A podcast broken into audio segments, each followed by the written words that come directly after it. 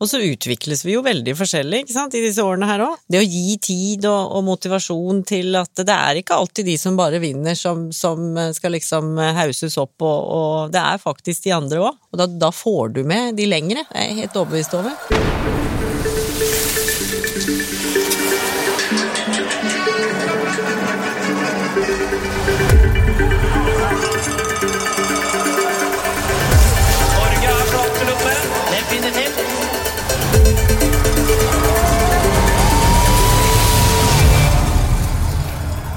Du hører på Folkefest, som er en podkast av Holmenkollen skifestival. Jeg heter Ingunn Vassvik Mikkelsen, og nå nærmer vi oss skifesten. Marit Bjørgen, tidenes vinterolympier og småbarnsmor, og sjefen for festen i Holmenkollen og friskimamma Kristin Westgren Sætrøy, velkommen. Takk. Takk.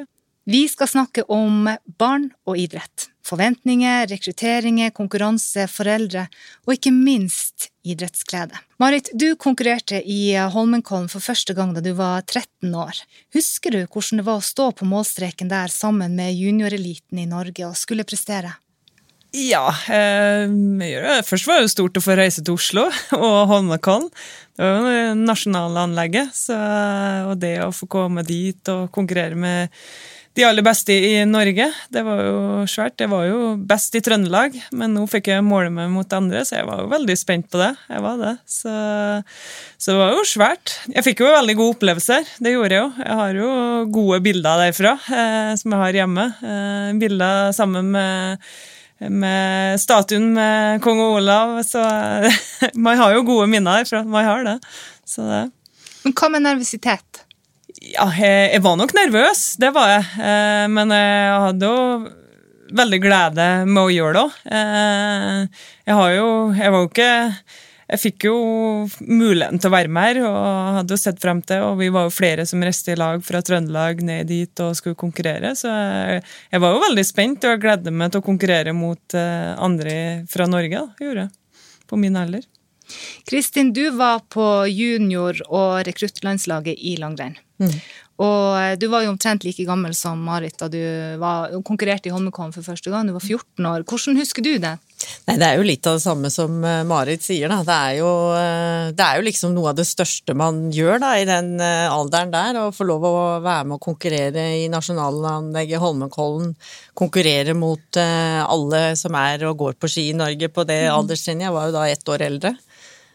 Så det var jo en superspennende greie. Man var liksom sånn eh, syntes det var utrolig spennende, samtidig så det var jo litt sånn Du var jo nervøs òg, eh, husker jeg. Eh, jeg gjorde to forskjellige ting. Det ene var å gå, gå liksom med samme alder, men jeg gikk jo på stafett òg, da, med Pål Gunnar Mikkels plass da, den gangen, fra Buskerud. For det var sånne landsdeler som eh, konkurrerte mot hverandre, og det husker jeg var kjempestort. Jeg har en sånn sølvskje hjemme da, fra det, da, som liksom Holmenkollen-sølvskjea.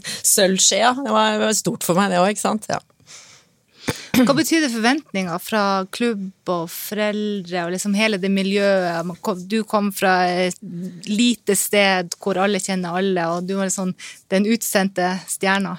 Ja, jeg tror nok eh, Jeg kommer fra en liten plass, og, eh, og lokalavisa fulgte jo med, for jeg var jo, jeg var jo det man kan kalle barnestjerne, og vant jo det meste i Trøndelag og med god margin. så det var nok mange som var spente hjemme, eh, det var det, men jeg følte aldri noe press. Eh, press det var jo min trener som var med meg ned dit, da, sammen med vi var to til som reiste sammen. Så mamma og pappa var jo hjemme, så jeg var jo ute på tur sjøl. Men ja, det er jo det at jeg har jo, jeg har jo villa, villa det sjøl. Jeg har jo hatt gleden med det her. Så jeg følte jo aldri på presset, men jeg visste jo at Og det var jo jeg var jo spent sjøl, og eh, lokalavisa fulgte jo, med, så det var jo artig å komme hjem og lese overskrifter om seg sjøl igjen. Det var det jo i lokalavisa. og ja, det å få eh, gratulasjoner hjemme når hun kom tilbake på skolen og ja, det var jo, det var jo stas. Da var jo, men eh, jeg hadde jo lyst til det her sjøl. Det det Og det at jeg hadde glede med det gjorde jo at jeg hadde ja, forventningene til meg sjøl Eller jeg følte jo ikke på noe press, da. Det gjorde jeg ikke. Det, det er som jeg sier, jeg har fått gått veien sjøl. Og det og det var på en måte det som drev deg? Ja, jeg var jo, jeg mestra jo idretten eh, godt. og trivdes jo på den arenaen, og ikke minst det miljøet jeg hadde rundt meg. Og ja, ja, eller hadde forventninger til meg sjøl, ikke dem rundt meg. Mm. Positivt miljø. Ja. Du var motivert gjennom at dette her var morsomt, og det var venner rundt, og, ja, og familie, gleden. og sant, gleden med å gå på ski. Det var ja. litt sånn samme med meg òg. At du gleder deg og syns det er morsomt å være med. og mm. Det er liksom ikke presset i at du skal konkurrere i det hele tatt, liksom. Det, det tror jeg er uh, kanskje nøkkelen til hvorfor man er med videre òg, da. Ja. Det sosiale rundt sosiale. det, mm. det er det. Og mm. Jeg gleder meg jo det å få gå sammen med resten av uh, de aller beste 13-åringene i Norge. Det var jo, uh, det var jo for stort, stort, det. Og det er jo målet seg mot dem. Ja, det. Og, så, og begge to drev jo med andre typer idrett eh, ganske lenge. Du, Marit, drev med, med, fotball og håndball, og du drev med turn ved mm. siden av langrenn. Mm. Eh, når dere um, trente, hva, hva, var viktig for dere i, da dere drev med det dere gjorde som barn? Nei, det var jo For meg var det venner. Det var, når jeg begynte med langrenn, så var det nabovenninna som kom over og lurte på om ikke vi skulle bli med på langrenn, liksom. Eh, da hadde jeg holdt på med turn en god stund og syntes det var morsomt, men det der langrennsgreiene var jo spennende da. Da tror jeg jeg var åtte-ni år når jeg begynte litt mer eh, konkret å være med på langrennstrening. Samtidig som jeg drev og turna. Så, så men det var jo det der sosiale, og at man ønsker å være en del av mm. ting, og der var vennene og sånn, som gjorde at, vi, at jeg var med, da. Eh, mm. Det var jo det. Så. Ja, det er jo det sosiale, og så er jo at jeg hadde foreldre som var interessert i ja, Pappa var jo interessert i jakt og friluftsliv og brukte marka. og Mamma var jo glad i å drive med idrett, og mamma ble jo trener eh, for klubben og på når vi var mindre. Og det var jo det sosiale, det var jo der vi treftes. Det var jo var ikke så an, mange andre tilbud enn mm. en idrett, egentlig, fra der jeg kommer fra. Så det var jo der vi møttes, da. Ja, på trening og poengrenn og ja. Og fantastiske trenere òg, som var med i disse ja. barndomsårene òg. Var med å løfte den mestringsdelen av det hele, at du følte jo, her går det veien, og jeg utvikler meg på en god måte, da. Mm. Det var i hvert fall det som drev meg voldsomt. Vi har jo god kontakt med gamletreneren enda, ikke sant. Altså, eh, det at man har eh, de, de, de, trenerne som følger deg, selv om jeg hadde jo flere der en stund, men, men, eh, men han som jeg hadde kanskje nærmest da, i, i flest år, er jo god venn i dag fremdeles, ikke sant. Så det er ganske Du, du knytter noen bånd, og du, du, gjør noe Du får med deg ting, da. I, jeg tror det gir ballast, ballast i livet ditt òg, på en måte, som, som, du tar med deg, rett og slett. I dag så har vi jo, eller i det siste så har vi jo lest reportasjer om at rekrutteringa til langrenn eh, spesielt, eh, det, der sliter man. Eh, men du Kristin, du har to sønner som eh, driver med freeski. Mm. Uh, og du er også aktiv da som um, på, i organisasjonen. Og det er nå da den raskest voksende idretten i vinteridretten mm. i Norge. Uh, kan du forklare litt hva freeski er? Ja, altså freeski er jo egentlig to forskjellige grener. Det ene er bigger, da hopper man på kjempestore hopp. Og det andre er slopestyle. Eh, det er en kombinasjon av eh, rails og hopp. Eh, og så er man med i egentlig begge deler. Så, så så jeg tenker liksom eh, Som gren, da, så er det nok en litt annen approach inn til hvordan man utvikler seg, da. Jeg, eh, som langrennsperson, da, så kommer jeg jo inn i det her miljøet med, men kanskje litt mer eh, prosesser og orden og hvordan man skal komme seg til resultater, da. Mens, mens freeski er jo det er veldig på Vi er sammen, vi utvikler oss i sammen. Det er et veldig, veldig veldig bra miljø, da. Eh, så man jobber på en litt annen måte, og nå er jo Eldstemann han er jo ute og kjøper, kjører europacup og, og, og verdenscup, og yngstemann på 17 han er trener i det her. Eh, yngstemann tok trenerutdannelsen da han var 14 år og har vært med liksom i, i dette her, Og det er litt sånn fordi at alder er kanskje ikke så stor betydning og, og i, i, den forstand, men det er det å motivere seg og utvikle seg basert på de ferdighetsnivåene man har, da. Eh, begynte jo med Begge har vært ute og gått eh, langrennsski. mens, eh, mens de jeg tror Eldstemann sa da han var tolv år da, at vet du hva, sa mamma, selv om du drev med langrenn, vet du, så skal jeg ikke holde på med den her, jeg vil holde på med freeski.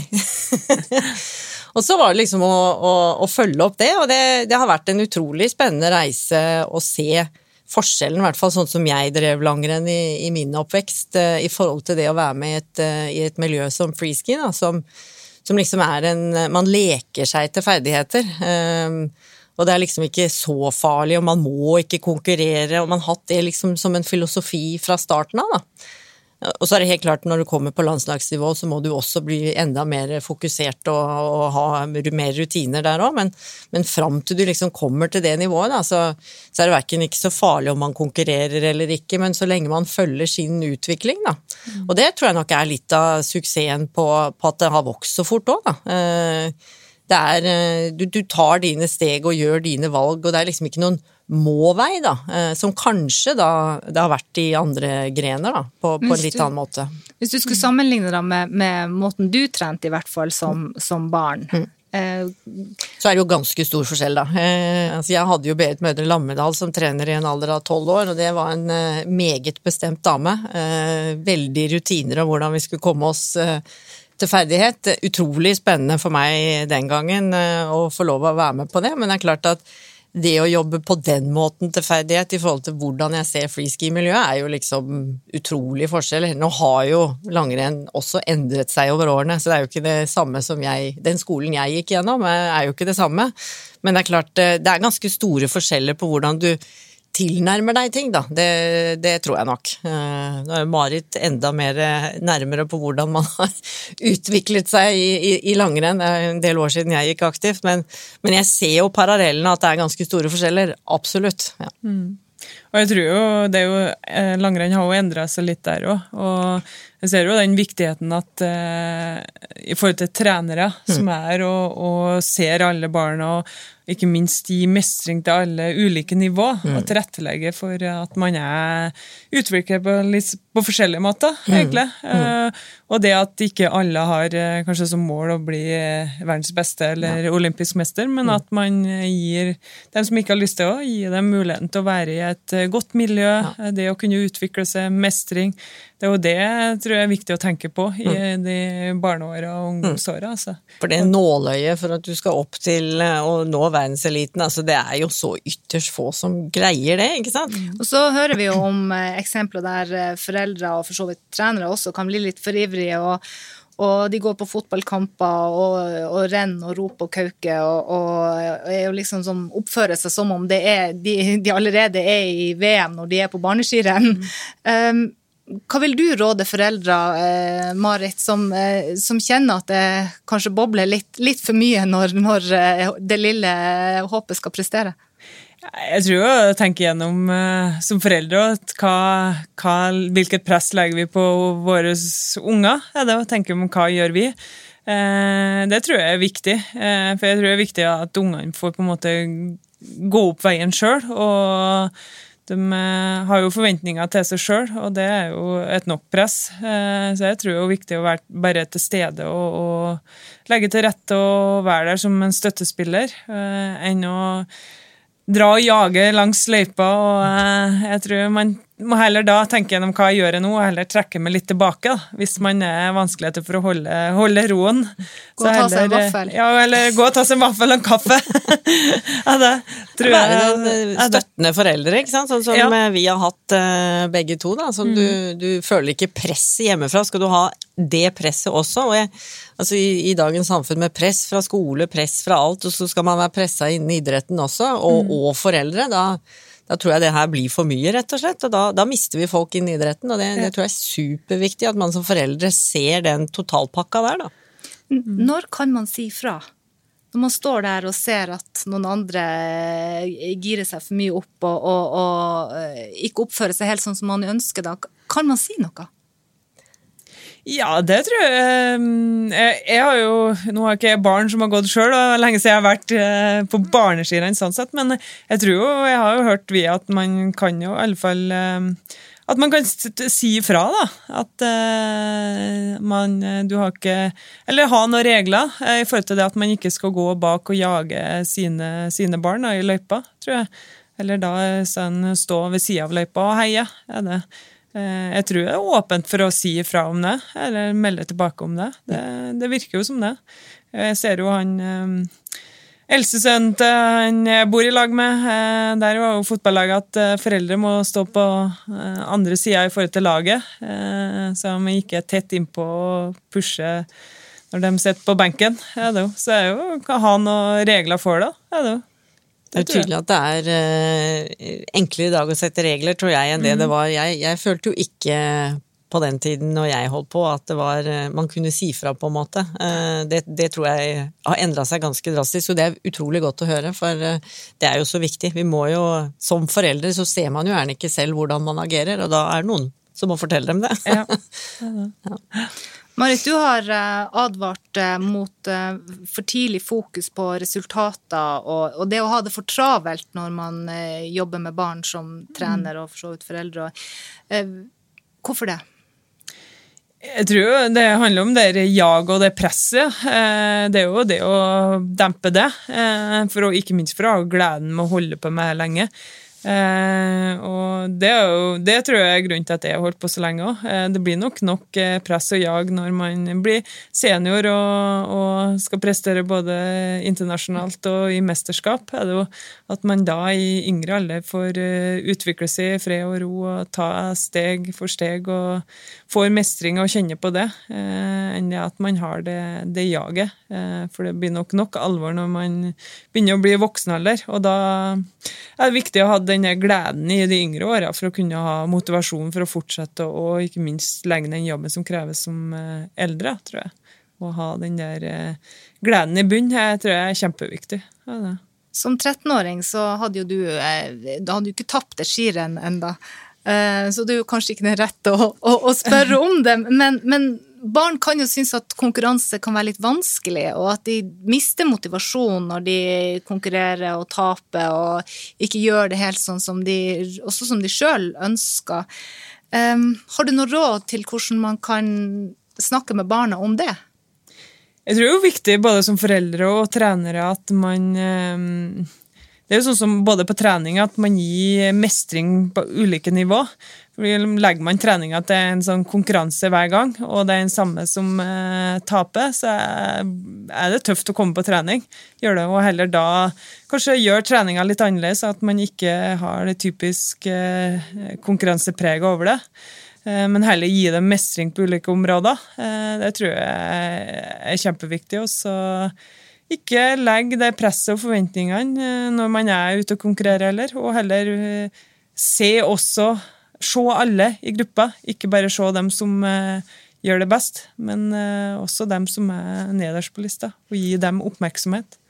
Jeg husker bare fra min klubb så var det sånn utdeling av ja, på, på avslutnings av sesongen da, i klubben så sto det en sånn stor pakke der. Og så er jo sånn, Man tenker jo da at ja, det er jo sikkert den som har prestert best i klubben, som får den, men det var hun som var som hadde de dårligste prestasjonene, som fikk den, og fikk den oppmerksomheten. Og det var jo en veldig fin uh, Måte å gjøre det på. Ja, Helt det klart. Det. Kjempebra. Absolutt. Og så utvikles vi jo veldig forskjellig ikke sant, i disse årene her òg. Altså, noen er tidlig ute, og noen er sent ute. Og bare det ja. å lære seg å konkurrere er jo i seg selv en, en, egen greie. Så, mm. Så det å gi tid og, og, motivasjon til at det er ikke alltid de som bare vinner, som, som skal liksom hauses opp, og, og, det er faktisk de andre òg. Og da, da, får du med de lengre, det er jeg helt overbevist over. Mm. Ufarliggjøre det å konkurrere tror jeg også mm. liksom er en greie. Det er ja, ja, men så er vel det en del av det hele, da. Men det er ikke det viktigste. Nei. Det tror jeg er uh, viktig. Mm. Men, for det må jo være lov å vinne òg. Ja. Og, og, det å eh, bli glad og feire det og, og, og nyte det. Mm. Mm. Helt klart. Og det, det, er jo en viktig del av det òg. Men jeg vil jo si kanskje ikke den viktigste i, i barneårene, da. Så det bare å være med og kunne konkurrere og lære seg å konkurrere og, og se på det som en mestringsmåte, måte, da. Det, det, det, tror jeg er en viktig del for at vi skal kunne få med flere. Mm. Teknikk har jo også Det å, å, drive med teknikktrening når man er barn, det kan jo ikke alltid være like gøy, og man terper og terper på de, på de samme tingene. Og, og, eh, du har vel også sagt Marit, en gang at, at man ikke, egentlig ikke trenger å drive så mye teknikk før i 11-12-årsalderen. hvordan skal man da bli bedre på ski? hvis man ikke Jeg tenker jo det når man er yngre, at man har denne leken eh, på trening. Og da gjennom lek så kan, skaper man jo mye både eh, ja, mm, koordinasjon, tyngdeoverføring. Eh, man lærer jo ulike ting av det å bare ha leken inn i, i treninga. Og da får man med seg gode verdier som man kan ta med seg ja, i forhold til det å Koordinasjon, balanse. Eh, og det å ta med det gjennom leken, og da får man, er enklere å lære seg teknikk når man, man blir eldre, og da kommer det mye lettere. Ser sånn som eh, Johannes Klæbo, han har jo lekt seg mye på ski, eh, og det ser du igjen i ferdigheter hvor han eh, nå i workup, hvor han tjener jo sekund man ikke skulle tro det gikk an, men fordi han har god balanse, god koordinasjon og har den der ballasten fra man er yngre, og det å leke seg på ski. Da. For Hvis du kommer på trening som åtteåring og skal gå og terpe i en bakke, opp og ned, teknikk, da, med lenger. ja, da blir det kjedelig. Så det, du kan få mye teknikk gjennom en lek, da. Er det. Å leke seg på ski, da, tror jeg. Det er jo sånn at, at det, er jo, det er jo strekk i laget om de er ti eller tolv eh, år gamle, og det er noen som er veldig flinke, og det er alltid noen som ikke er fullt så flinke. Og, og det å, å se den, den enkelte, det er jo en stor oppgave for en trener, og det å ha, kunne følge hver enkelt i den gruppa. Hva skal man gjøre da? Nei, altså jeg tror jo eh, du er nødt til å Vi har gode trenere der ute. De er vant til å se både de gode og de som eh, er med og har helt andre roller, og alle, helt, alle har en rolle i, i, i et sånn type team. Så, så, jeg tenker liksom at en eh, Ser man det og greier å liksom løfte egentlig alle på det nivåene de er, så vil du også lykkes eh, etterpå. Og det betyr, ja, det er utfordrende, men, men men eh, jeg er helt overbevist om at eh, de trenerne vi har der ute, og, og, de ser egentlig hele laget og ser at alle har en rolle, og det, det er viktig. Da tror jeg vi også greier å holde motivasjonen for folk, eh, eller for barna oppe, så de er med lenger. Og det, tror jeg, det er jo like viktig som uh, trener som trener tiåringer, mm. eller en trener som har elitelag. Det er jo det å se helheten i laget. Mm. og det å, For alle har jo ulike kvaliteter, og det å bruke alle. og ikke bare se de som er øverst på resultatlista, men eh, de er jo, alle sammen er jo med å utvikle hele laget. Eh, jeg er jo eh, Å bli pusha av en helt fersk en på laget, for min del var det gjorde jo meg til bedre slipper, og hun slukte jo det jeg gjorde. Så det er jo det å bygge et godt team hvor man kan utvikle seg sammen, da. og gi mestring til hver enkelt, da, og legge til rette. Det er det. Og at alle roller er viktig, tenker jeg, i, i det der, da. Altså, man har en rolle i det, om det er, eh, som du sier, tiåringer, eller om du er på et lite landslag, eller i jobbsammenheng òg, ikke sant. Eh, vi er forskjellige, og vi har alle våre veier inn til eh, hvordan vi er som typer, og hvordan vi leverer på, på liksom oppgavene. Å se den totaliteten er viktig, og det, det gjør trenerne der ute. Og blitt mye, mye mer bevisst på det over årene som har gått, det er jo ikke noe tvil av og det vil gi resultater. Å dele dem i grupper, er det greit?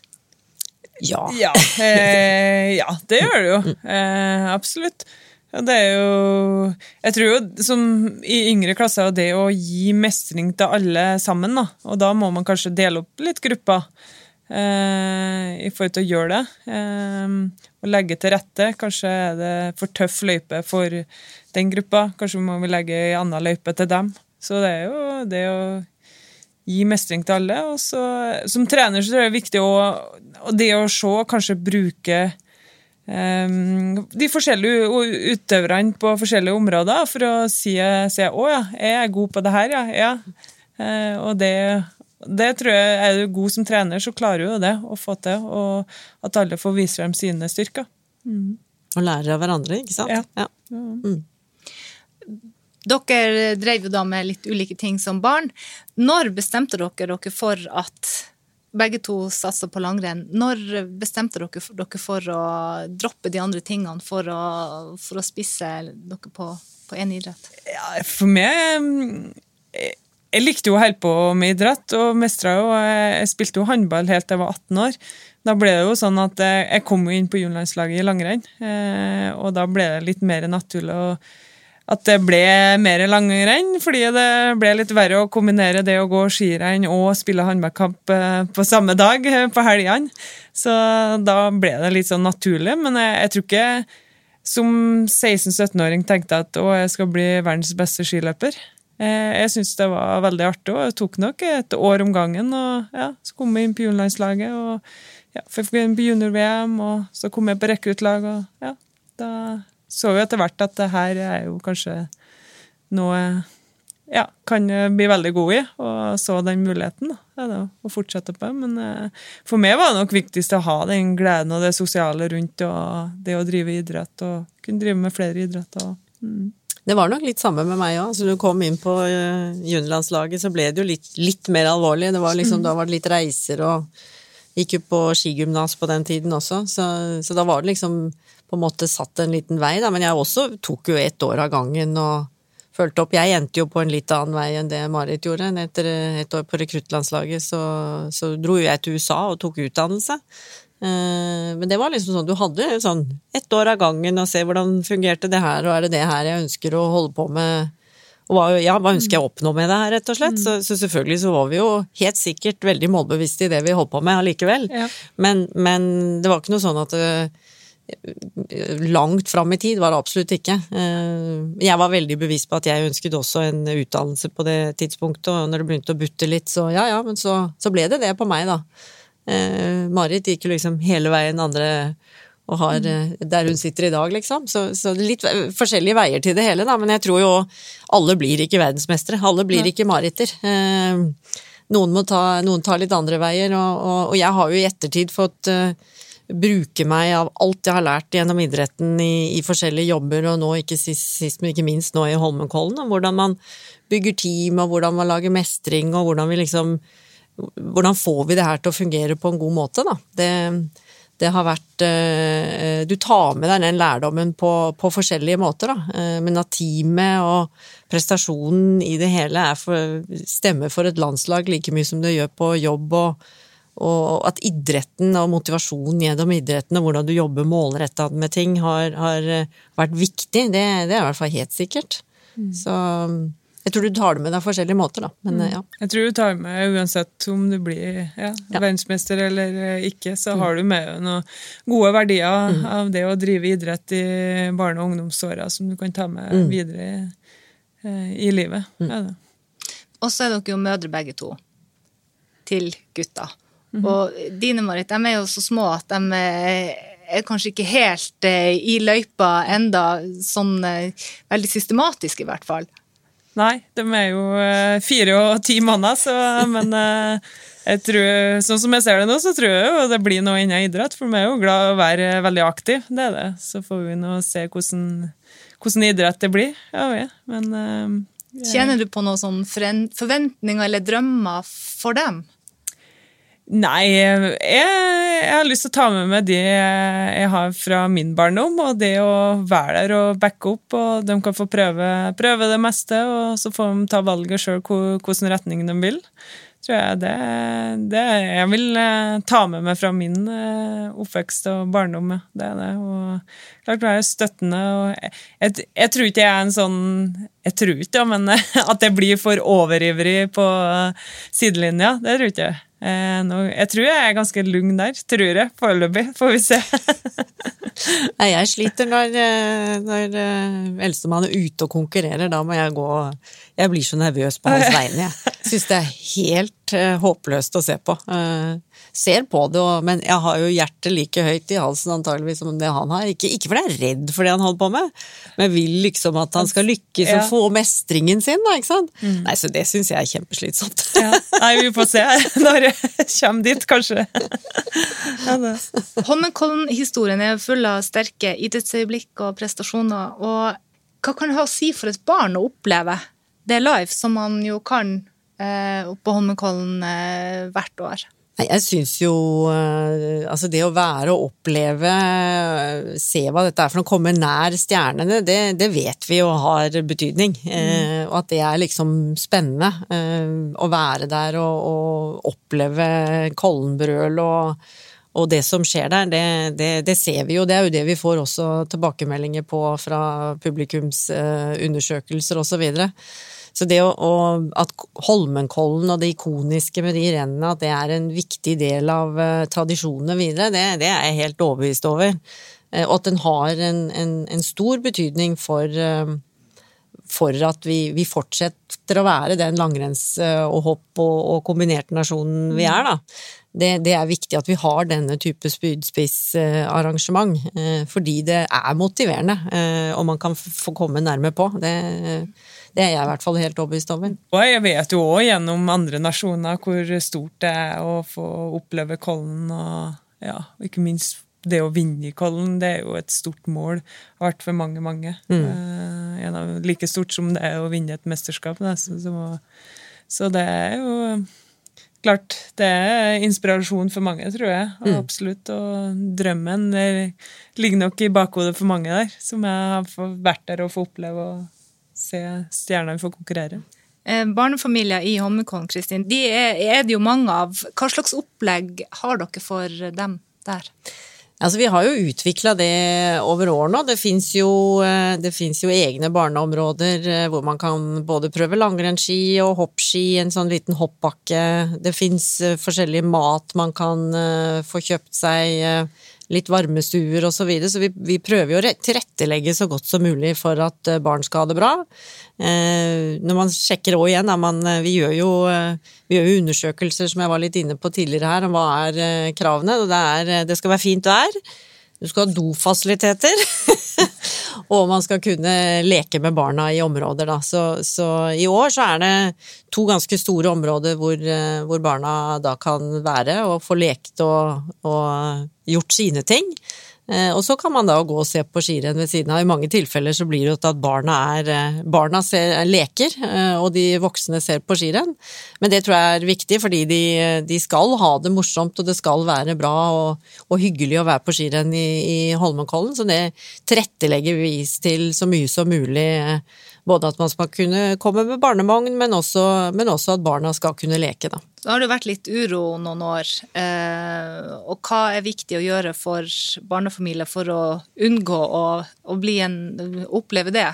Altså, de uromomentene våre er jo ute i marka, og jeg pleier å si det at det, det oppsto ikke i går. Det første reportasjen om det var vel i 1901 eller noe sånt. Eh, Eh, innenfor bilitert område så, så, har vi kontroll, og vi har disse områdene som jeg prater om, og så er det det, det, ute i, i, marka. Eh, men marka er også viktig for den stemningen som Marit snakket om her. Altså det å gå i Kollen er, er marka vel så viktig med. Men vi som arrangør har jo Det er jo ikke et bilitert område. Ikke, vi har ikke kontrollen der ute. Der kommer man opp på dagen og er med på skirenn, liksom.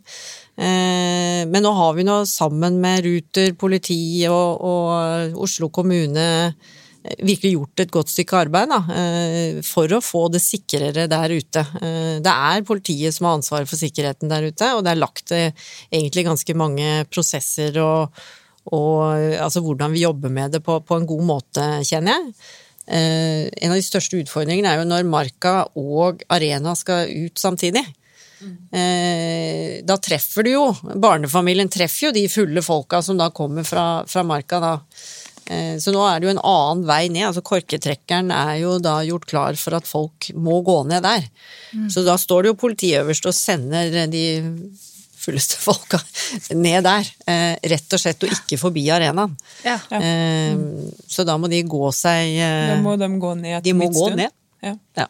Og det har også vært en viktig kamp, da. Det er jo veldig kamp, bra, får de gått av seg litt. Helt ja. korrekt. Steam. Takk for at dere delte råd og innsikt, Marit og Kristin. Takk. Tusen takk.